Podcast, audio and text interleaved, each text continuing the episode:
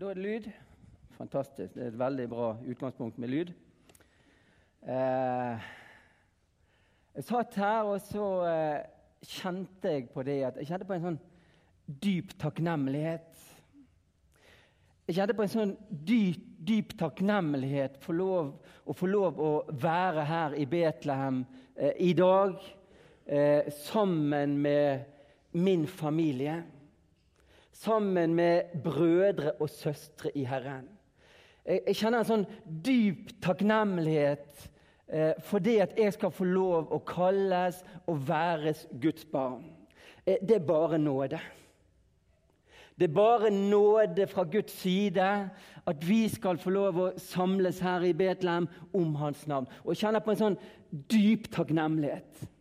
En dyp glede i mitt hjerte som får lov å stå her som Guds barn, som frelst. Jeg hadde bare lyst til å si det. Jeg kjente så sterkt på det. Og det opplevde noe i går kveld òg. Jeg var så heldig å få lov å være sammen med ungdommen her i går kveld. Og det var så godt å være her. Det var en sånn Guds nærvær. Jeg hadde jo forberedt talen. Skulle ta utgangspunkt i, i, i Matteus 6,33 om å søke Guds rike først. og Hadde forberedt en tale, men etter to sider så glemte jeg hele oppstillingen og alt. Eh, det var så godt å være og opplevde Guds nærhet og, og, og, og det å være sammen. fantastisk. Og Jeg håper det at vi skulle få oppleve noe av det som eh, vi fikk oppleve i går kveld her i Betlehem. For det, det var et Guds nærvær, og, og, det var fantastisk godt å være her. Og så er det en ny dag og nye muligheter. Gud er den samme, Guds ord er det samme. og Veldig godt å få lov å komme sammen. Flott å få være med og ta del i dåpshandlingen til eh, Eline Marie. Eh, hun står på bønnelisten min, både Reidun og Bjørn Sverre.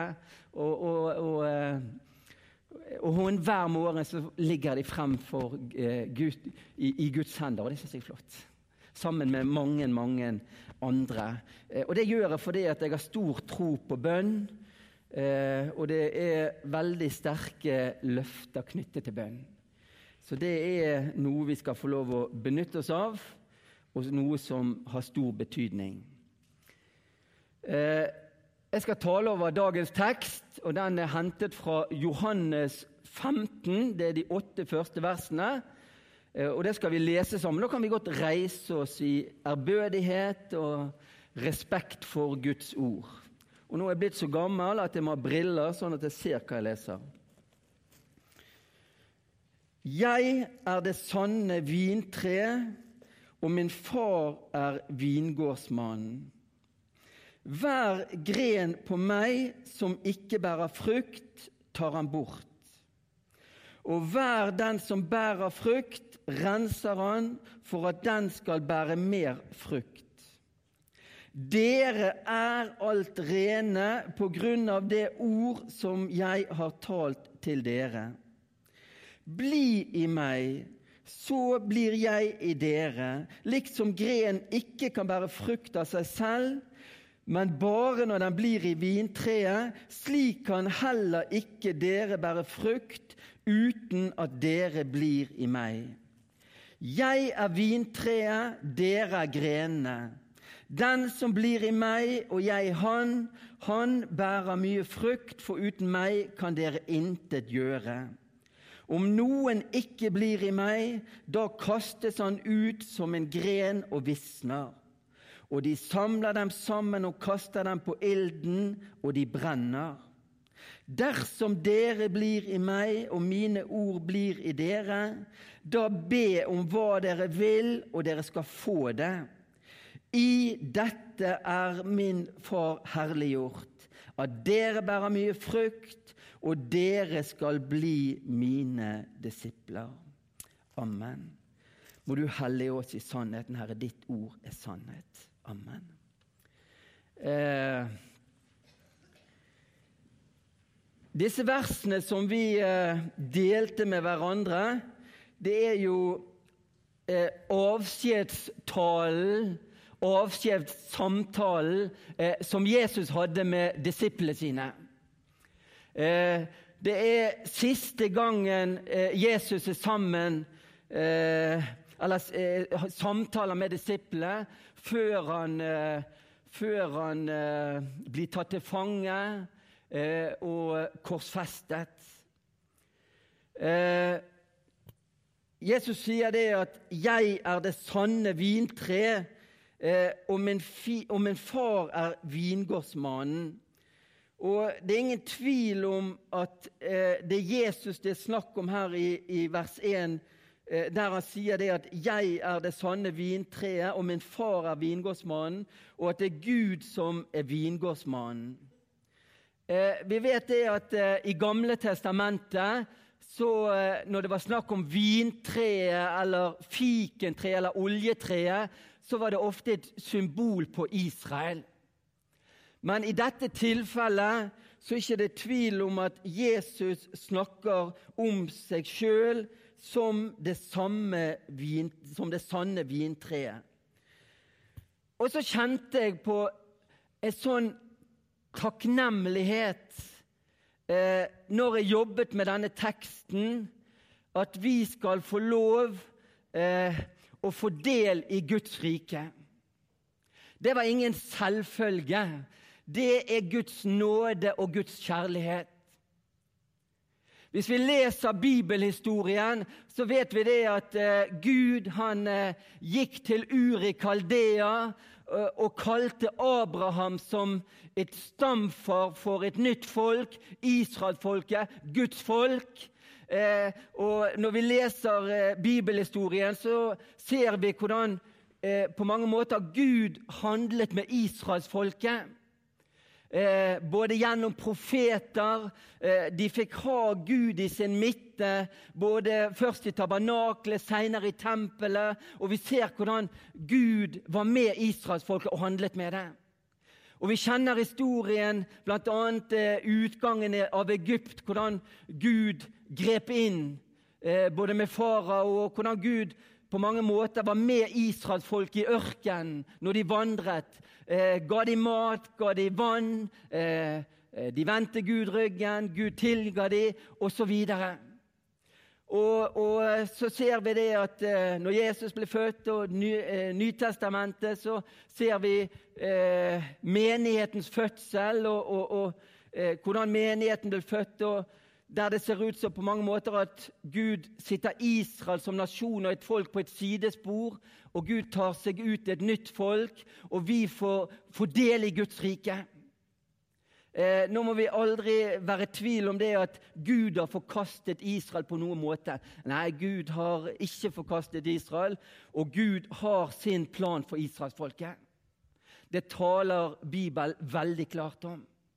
Likevel så har vi fått fått eh, del i evangeliet, vi som var hedninger, og, og menigheten ble opprettet. Og, og, og, også vi som hedningefolk fikk del i evangeliet og, uh, fikk del i frelsen i Jesus Kristus, og òg skal få del i Guds rike. Fantastisk. Det er Guds nåde. Det er Guds kjærlighet. Uh, jeg er ingen bibellærer, Jeg har ikke noe ønske om å bli det heller. Eh, jeg eh, har vel mer evangelisten i meg.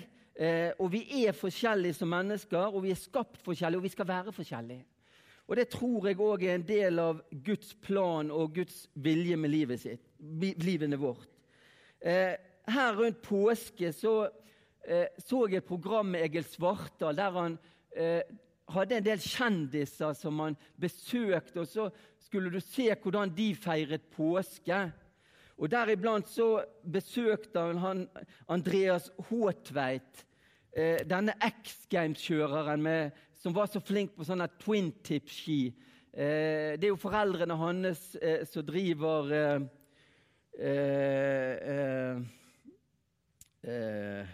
Dette her bibelsenter, eller oppå på Hva det heter Hermon. og, og, og eh, Vi husker jo han fra 'Mesterens mester'. Dette programmet på, på NRK der, der, disse her eh, kjendisene eh, kjempet mot hverandre. Og Noe av det første Andreas gjorde, det var å lese, ligge Bibelen sin på nattbordet. Han la Bibelen sin på nattbordet som et tydelig vis på 'jeg hører Jesus til'. Og hele hans personlighet i det programmet bare strålte Guds kjærlighet. Og jeg fikk så stor respekt for denne mannen. Jeg ble så takknemlig. Han, han fikk nå ut på steder der få andre fikk nå ut. Og Så kommer han, og så er han med i dette programmet med Egil Svartdal. Og så er de med med familien, kone er der, ungene der, og så er de ute og spiller pølser. og så snakker de om påsken, og så spør Egil Svartdal Andreas eh, hva som skjedde, Vet du hva som skjedde på skjærtorsdag? sa han. Og du så Andreas, han, han ble litt satt ut. Og eh, nei, Han var litt usikker. Jeg kan ikke helt huske hva han svarte. Jeg lurte på om Han lurte på om det var da Jesus ble korsfestet. Men han hadde ikke peiling. Han hadde ikke peiling på hva som skjedde på skjærtorsdag. Og så tenkte jeg så flott! Så flott å kunne være en så tydelig, synlig kristen og elske Jesus og likevel ikke visste hva som skjedde på skjærtorsdag. Jeg syns det er helt greit. Vi må ikke ha lys over alt. Vi må ikke ha kunnskap over alt for å være en kristen. Vi kan likevel elske Jesus selv om vi ikke har lys over alt. Vi kan love å være noe for andre selv om vi ikke vet alt. Du skal få være deg sjøl selv, selv om ikke du vet alt. Gud er ikke mindre glad i deg om ikke du har all verdens kunnskap. Han elsker deg sånn som du er. Vi skal få lov å slippe å gjøre oss til. Jeg syns det, eh, det, var så flint, og, og, og, og, jeg tenkte på det med Andreas. Vi skal få lov å bruke eh, de nådegavene som Gud har gitt oss. Og så er det sikkert mange som har mye mer kunnskap enn vi har. Og, og, og, og, sånn. Men likevel så skal vi få lov å være noe for hverandre og, dele det som, som vi har. Eh, jeg tror det er mye å si om denne teksten, men det som først og fremst jeg tenker på ut ifra denne teksten, eh, det handler om å bære frukt, og det handler om å bære frukt for Gud. Og så står det her i vers 2 at hver gren på meg som ikke bærer frukt, tar han bort, og hver den som bærer frukt, renser han. Eh, jeg har en del kjennskap til beskjæring. Eh, jeg har gått på flere kurs i beskjæring av frukttrær. I 2009 da overtok jeg en fruktgård inne i Hardanger fra min onkel. Og eh, jeg hadde over 1000 frukttrær som skulle beskjæres. Og eh, det er litt av en jobb. Men det er kjempeviktig, og det er mange grunner til at vi må beskjære trærne. Hvis ikke vi beskjærer, så blir det altfor mye frukt. Og hvis ikke vi beskjærer, så, så eh, eh, blir det dårlig frukt, og det blir feil frukt. Og det er mange ting å ta hensyn til i beskjæringen. Både i forhold til sollys eh, og hvordan treet blir formet. Eh, og det er viktig å ikke beskjære for mye. Du skal aldri beskjære mer enn en tredjedel av et frukttre. Eh, hvis ikke så eh, vil det skyte skudd i hytt og pine, og du vil få fryktelig mye arbeid neste år. Derfor må du planlegge beskjæringen. Du bør aldri beskjære mer enn én til to tjukke greiner av gangen. Eh, hvis det er tre greiner som skal vekk, så bør du gjerne vente til året etter med å tra den tredje greinen. Eh, tar du for mye, så får treet helt panikk. Det får helt panikk. Det tror at det skal dø. Og det, det, det, kommer til å skyte over hele treet en haug med årskudd året etterpå. Fordi at det er livredd for å dø. Nå er det skjedd store endringer i beskjæringsteknikker her i Norge. Vi har fått kunnskap fra Nederland om måten vi skal beskjære trærne. Sånn at sånn som vi beskar det før, sånn beskjærer ikke vi det lenger. Da var det store avstander mellom trærne. Nå planter vi rekker på mellom 80 cm til en meter. Og så skal det være fire meter mellom radene, sånn at du har plass til å kjøre traktor og sprøyte. og sånn. Eh, og så Trærne de skal formes på en helt annen måte. Nå, eh, nå skal det være et, et, et, fat nede med greiner. Og så har vi noe som kaller det åpne vinduet, og så skal det være en krone på toppen. Og, og, eh, du skal beskjære eh, greinene mellom fatet nede og kronen på toppen på en sånn måte at det skal bare stå topper ut av stammen. Og så må du være sikker på når du beskjærer det, at det er blomsterknopp og ikke bladknopp i enden. For hvis du beskjærer det med bladknopp i enden, da kommer det bare blader ut av, knopp, av, av, av denne toppen. Men hvis du beskjærer det med en blomsterknopp, da kommer det frukt år etter år etter år. Fascinerende. Vi visste ikke om det før han er fra Nederland kom og underviste om det. Og Derfor så ser du det er en helt annen måte å drive frukt på i dag enn for 15-20 år siden. Men målet med den endringen, hva er det? Å bære mer frukt.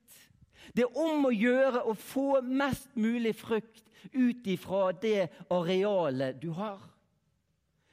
Og Derfor er det endret, og, og derfor er det stor endring i forhold til frukten nå enn før i tiden. Det bærer mye mer frukt. Det er mye mindre frukt per tre. Man, man regner med at ca. mellom 100 og 120 epler per tre er det ideelle eh, for å få skikkelig størrelse og førsteklasses frukt. Eh, men grunnen til de endringene det er fordi at vi skulle få mer frukt. Eh, I vers 3 i eh, dette kapitlet så står det det at dere er alt rene på grunn av det ord som jeg har talt til dere. Og jeg tror det at eh, det er viktig at vi som kristne at vi kjenner vår stilling og vår identitet i Kristus. At vi er ren og rettferdig, himmelverdig som Guds barn. At, er, at frelsen som Gud har gitt oss i Jesus Kristus, at den er fullkommen. Det tror jeg er et veldig godt utgangspunkt i kristentlivet. For at ikke vi skal eh, ta på oss og kave og stresse og kave for det at vi tror det at vi skal gjøre Gud til lagt. At hvis vi gjør sånn og sånn, da blir Gud fornøyd. Gud er fornøyd med oss for Jesus skyld. Vi er fullkommen rein, vi er fullkommen frelst. Vi har fått byttet ut synd med nåde. Vi er vasket rein i Jesu blod. Og vi skal ikke bære frukt for å bli reinere for Gud, for vi er rein. Og det må vi alltid, og det, det, er noe djevel kan bruke mot oss, at du må gjøre sånn og sånn, og så får vi et strevsomt liv. Vi er ikke kalt til å ha et strevsomt liv for å tilfredsstille Gud. Er, Gud er fornøyd med oss. Vi er ren og rettferdig, himmelverdig i kraft av den vi er, fordi at vi er et Guds barn. Frelsen er fullkommen. Den har Gud ordnet med i Jesus Kristus. Og det er så viktig at det er grunnlaget i livene våre. At vi, det vi gjør, det er ikke for å liksom skulle bygge på noe når det gjelder frelsen. For vi er fullkommen frelst. Takk og lov. Vi skal ikke bidra med noen ting. Vi har fått byttet ut våre skitne klær med nye klær gitt oss av Gud i Jesus Kristus. Fantastisk. Og det må alltid være utgangspunktet vårt. Det er viktig at vi er, vet hvem vi er, at vi er født på ny av bare nåde. Og så tenker jeg òg det at uh, det er viktig at Gud har utrustet oss både med naturgaver eh, og nådegaver. Gud har utrustet oss, og vi kan gjøre enormt mye, og vi skal gjøre mye. Vi skal stå på, og, og vi skal få lov å gi til andre det som Gud har gitt til oss. For eh, vi vet det at det er sant. Vi har en indre overbevisning at det som Bibelen taler om, det er sant. Og det ønsker vi å gi til andre. Hvis ikke hadde vi vært noen kjempeegoister. Jeg tror ikke det fins noen andre vei til himmelen enn uten Jesus Kristus og hans død på korset. Jeg tror ikke det hjelper å være snill og ha gode gjerninger. Jeg syns det er veldig flott å være snill. Kjempetopp. og Vi skal være takknemlige for det. Men vi blir ikke frelst av det. Det er bare Jesus som kan frelse, sier Bibelen. Det fins ingen andre veier til Gud. Veldig flott å være snill, veldig flott å være et godt menneske, men vi blir aldri frelst ved det. Vi blir frelst og født på ny i Jesus Kristus, i Hans nåde. Og vi kan gjøre mye, og vi skal gjøre mye, og vi skal stå på, og vi skal dele det som Gud har gitt oss. Men én ting må vi aldri, aldri glemme, og det er det at vi kan aldri bære frukt av, selv, av oss sjøl. Vi kan ikke bære frukt av oss sjøl. Frukten må komme fra Gud. Og Hvis vi leser i vers 4 og 5, så står det det at Bli i meg, så blir jeg i dere. Liksom gren ikke kan bære frukt av seg selv, men bare når den blir i vintreet, slik kan heller ikke dere bære frukt uten at dere blir i meg. Jeg er vintreet, dere er grenene. Den som blir i meg og jeg han, han bærer mye frukt, for uten meg kan dere intet gjøre. En grein som ikke er i treet, er ingenting ingenting. All kraft, alt som grenen trenger, bare frukt, det kommer fra røttene, og det kommer fra stammen. Og det er viktig å vite. Det er Gud som gir kraft for at vi skal få lov å bære frukt. Vi har ingenting i oss sjøl å komme med for å bære frukt. Men så er det noe som er fantastisk stilig, og som fascinerer meg. Og det er det at eh, det er på greinene frukten kommer. og hvem er som er greinene? Du og jeg. Stilig. Det er vi som er greinene. Det er der frukten er. Vi skal få bære frukt. Ikke fordi at vi er gode til eller fortjener, på grunn av Guds nåde. Gud skal få lov å bruke oss og bære frukt. Vi er greinene, du og jeg som er frelst, du og jeg som er Guds barn. Vi er greinene. Men vi er avhengige av kraften fra Han. Det er Han som er stammen. Vi er bare greiner, og uten Han så er vi ingenting. Ingenting i oss sjøl. Vi er avhengige av at Gud utfører sitt verk gjennom oss og så kan det bli frukt av det. Fantastisk. Vi har en nådig Gud. Og Jeg bare kjenner for min del, jeg kjenner på en sånn takknemlighet i mitt hjerte. At jeg skal få lov å være et Guds barn. At jeg skal få lov å stå her på talerstolen i Betlehem i dag og dele Guds ord. Jeg tror ikke det finnes noe viktigere. Jeg kjenner på en sånn takknemlighet. Ikke fordi jeg tror at jeg er noe i meg sjøl har så mye å gi, men jeg ønsker å dele det Gud har gitt meg, for jeg syns det er så stort. Jeg syns det er så fantastisk å være et Guds barn. Jeg kjenner på en sånn dyp takknemlighet at Gud så i nåde til meg som en 19 år gammel ungdom og viste meg hvem han var. Nå er det 30 år siden, og det holder. Og jeg vet at jeg er på vei til himmelen. Jeg vet at en dag skal jeg få lov å komme sammen hos han, og det, det gleder jeg meg til.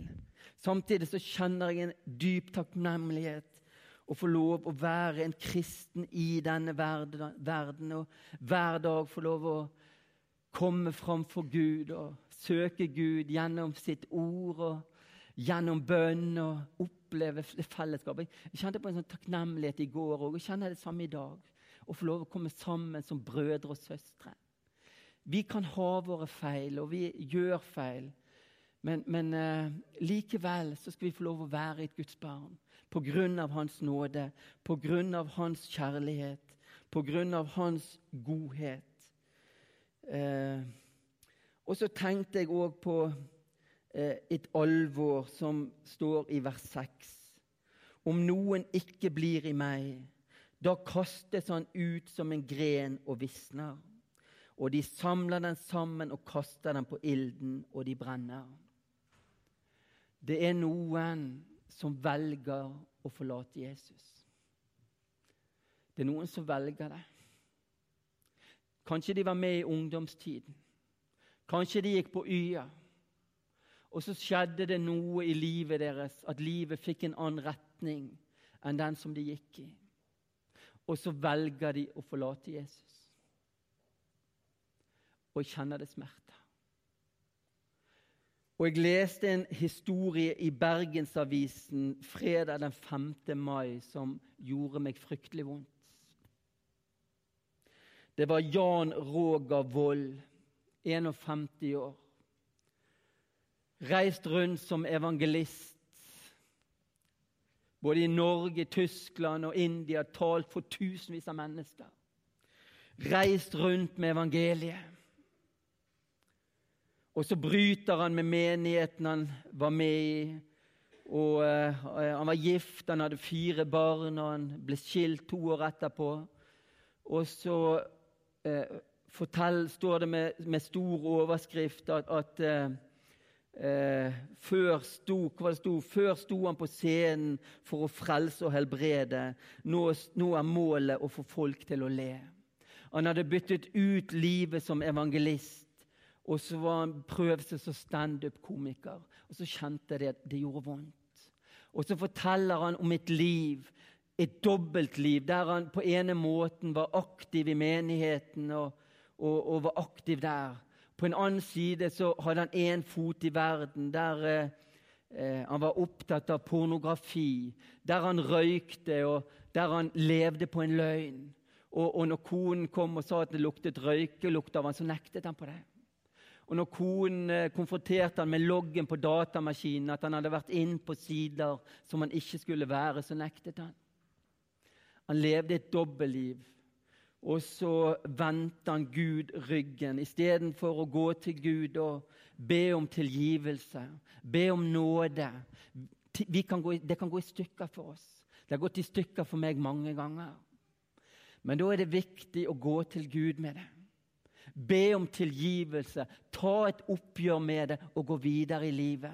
Vi kan alle gå på en smell. Det er en kamp i den åndelige verden om oss mennesker. Vi har en djevel som er ute etter å prøve å ta oss vekk fra Gud og Hans rike. Og Det er en kamp mellom det onde og det gode i livene våre, og det skal vi være klar over. Og Vi kan alle falle, men da er det viktig å ikke bli liggende, men reise oss igjen. Og det er ingenting mer Jesus ønsker når det har gått gale for oss, at vi får komme tilbake.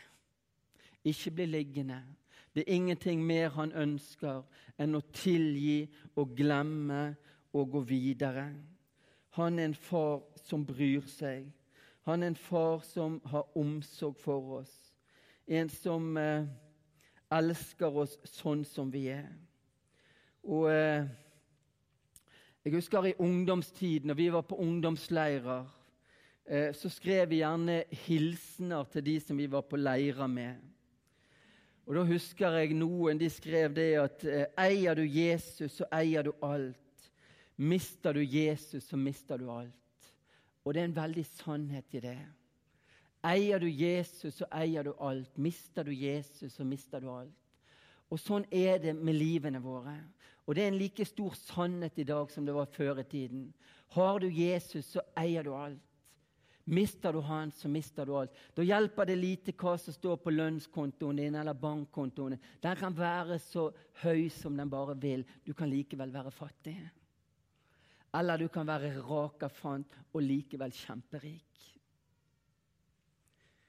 Jesus ønsker å være den rikdommen som er viktig for oss, som vi skal få lov å bygge livene våre for. Og så ønsker han å utruste oss. Han ønsker at vi skal bære frukt. Han ønsker at mennesker skal bli frelst. Han ønsker at vi skal dele ut evangeliet, at vi skal være lys og salt der vi er. Og så ønsker han å, å bruke oss. Eh, det står her i det siste verset at i dette er min far herliggjort, at dere bærer mye frukt, og at dere blir mine disipler. Det er Guds ønske for oss. Det er Guds vilje for oss. Eh, at vi skal bære frukt. Eh, og så er det viktig å leve i den daglige omvendelse. Selv om vi er fullkommen og ren, så er det viktig å hver dag leve i den daglige omvendelse. Være innenfor Guds ansikt, være innenfor Gud og søke Han og eh, ja, be Han eh, gjøre oss oppmerksom på hvis det er ting i livet som må endres. Slik at Han får lov å forme oss sånn som Han trenger å forme oss. Og så skal vi være glad for det at vi er så forskjellige som vi er. For det, at, eh, det er fordi at vi skal utfylle hverandre. Eh, noen er god på det, og noen er god på noe annet. Eh, men eh, sammen eh, så skal vi få utfylle hverandre. Og så har Gud gitt oss forskjellige nådegaver. Eh, og så skal Han få lov å bruke oss. og så ønsker Han å komme inn i livene våre. Eh, og vi skal få lov å peke på han. Og så tenkte jeg på et vers som står i Åpenbaringen, den siste boken i Bibelen, i kapittel 23. Der står det det at eh, Se, jeg står for døren og banker. Eh, om noen åpner, så vil han gå inn og holde nattverd, han med meg og jeg med han.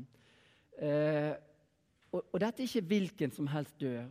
Jesus banker på hjertedøra. Han, han, river seg aldri inn i menneskers liv. Han banker forsiktig, og det er du og jeg som må åpne. Vi kan velge å ikke åpne, og vi kan velge å åpne. Det valget får konsekvenser for oss. Men Guds vilje er at vi skal åpne hjertet vårt. Åpne livene våre og slippe Han til. Og Det gjelder òg oss som er samlet her i Betlehem. Vi har en fri vilje. Du trenger ikke å åpne hjertedøren for Jesus i det hele tatt. Det er helt lov å si nei. Men Guds vilje, det er at du skal åpne. Det er at han skal slippe til. Og det står det at 'smak og se at Herren er god'. Og så er det sånn at vi får aldri kjenne hvordan ting smaker før vi har smakt på det. Det er rart, det. Er vi må først ta det inn i munnen og smake. Da kjenner vi smaken. Og Jeg er veldig sånn, jeg er utrolig kresen i matveien. Jeg tør ikke å smake på nye ting. Jeg, liksom helt panikken. Jeg, jeg tror jeg vet hva, og så Av og til så blir jeg overrasket når jeg, når jeg tør. Og så var ikke det helt sånn som jeg hadde tenkt. Og Sånn tror jeg òg. Mange de tror det at det å være en kristen er et forferdelig kjedelig liv. og Da må du leve sånn og sånn. Jeg opplever det motsatte. Jeg opplever det utrolig frigjørende å være en kristen. Jeg syns det er fantastisk. Jeg har ikke du et liv med problemer? Jo, massevis. Men jeg har en å gå til. Jeg har en som bryr seg, en som har omsorg for meg. Eh, og en som er en far som eh, virkelig elsker meg. Og, og, eh, eh og jeg har et fellesskap blant bl.a. dere som er samlet her i Betlehem. Og jeg kjenner på en stor takknemlighet. Eh, Gud ønsker frukt i livene våre, men det er Han som må gjøre det. Uten meg kan dere ingenting gjøre. Vi er greinene, vi trenger Han. Kraften, alt kommer fra stammen og fra røttene. Kjære Jesus, det har vi lyst til å takke deg for. Og vi kjenner på en sånn takknemlighet og en sånn glede over at du har gitt oss ditt ord, sånn at vi kan få lov å lære deg å kjenne. Takk for det at du er det sanne vintreet. Og Jeg ber deg om at du må komme inn i livene våre og beskjære det, Herre. Du eh, vet hva som må skjæres vekk, og du vet hvorfor du må skjære. Du må skjære fordi at du skal forme oss for å bære frukt. Og Jeg ber om at eh, vi må leve livene våre på en sånn måte at du får lov å bære frukt, Herre Jesus. At du må få lov å gi oss det som vi trenger. At du må utruste oss med det som du har for oss. Jeg har lyst til å be om at du må komme til den enkelte her i Betlehem. Og så har jeg lyst til å be spesielt om det skulle være noen her i dag som ikke kjenner deg. Som ikke har åpnet hjertedøren for deg. Lyst til å be om at du må komme til den, Herre. At, at han kan få bytte ut synd med nåde. At han kan få se din kjærlighet, din godhet, Herre. At det å være en kristen handler ikke om å være religiøs og gå i et bedehus eller en kirke, men det handler om et liv. Det handler om noe som er sant, noe som eh, vi skal få lov å leve i hver dag. Eh, jeg priser deg for eh, at du lever i dag, og at vi skal få lov å tro på deg. Det kjenner vi stor takknemlighet for. Og så må du velsigne dagen for oss videre i ditt navn. Amen.